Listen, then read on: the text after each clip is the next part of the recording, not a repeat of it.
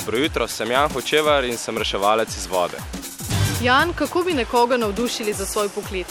Ma, rekel bi, da je to uh, preprosto, mirno, sproščeno delo, ki se splača delati in je dobro plačano. No, poleti, ko je veliko ljudi, takrat je malo bolj uh, napeto, moraš bolj opazovati. Ste si odnegde predstavljali, da boste reševalec iz vode?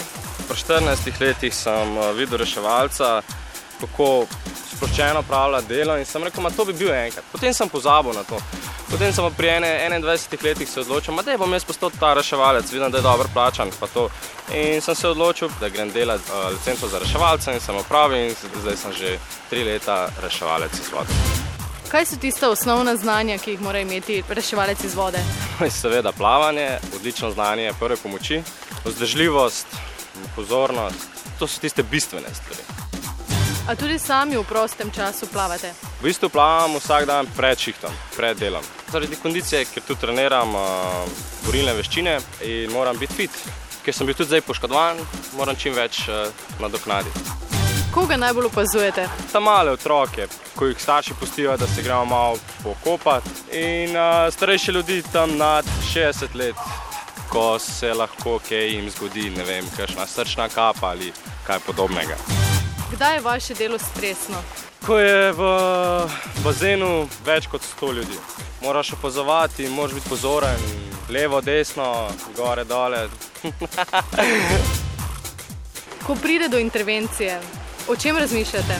Da nudim pomoč do konca intervencije, da poškodovanca oskrbimo, dokler ne zapusti intervencija kopališča. E, so ljudje na bazenu previdni? Večinoma ja, samo otroci nikoli. Zato jih moramo pozarjati. Kako pa obiskovalci gledajo na vas? Se počutijo bolj varne, ko vas zagledajo? Jaz mislim, da se kar počutijo bolj varne. Me spoštujejo, ko opozorim njihove otroke, jih potem še posebej sami opozorijo, tako da mislim, da me kar spoštujejo. Katere nevarnosti pa na vas prežijo na bazenu?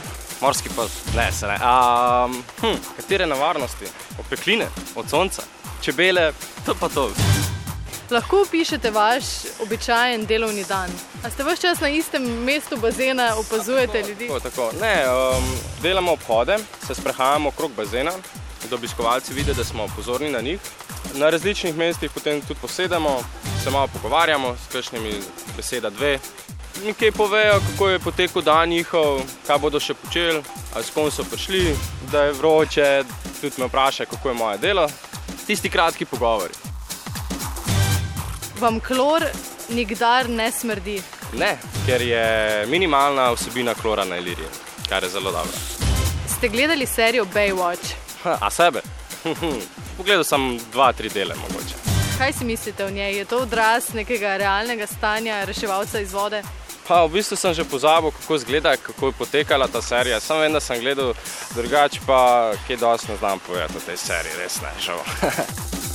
Jan, kako si vi polepšate jutro? Jutro, s plavanjem, z dobrim zajtrkom. O čem razmišljate v vodi? V bistvu čim manj razmišljati in čim bolj dihati pravilno in uh, odkopati vse misli in samo pičiš naravnost. Je boljši bazen ali morje? Ma, morje, definitivno. Slana, zdrava voda in držite bolj po konci na, na vodno gladino, mislim. Prijetna je, bolje, čista, enostavno, morje je morje. Temu se nič ne primerja. Jan, je vaša najljubša pijača voda? Mm, ne, džus, pomarančni sok. In če bi bil ponedeljek pesem, katera pesem bi bil? To je pa čisto preprosto. Don't waste my time, Krypton Conan. Zakaj? To morate pa vi poslušati, pa boste videli.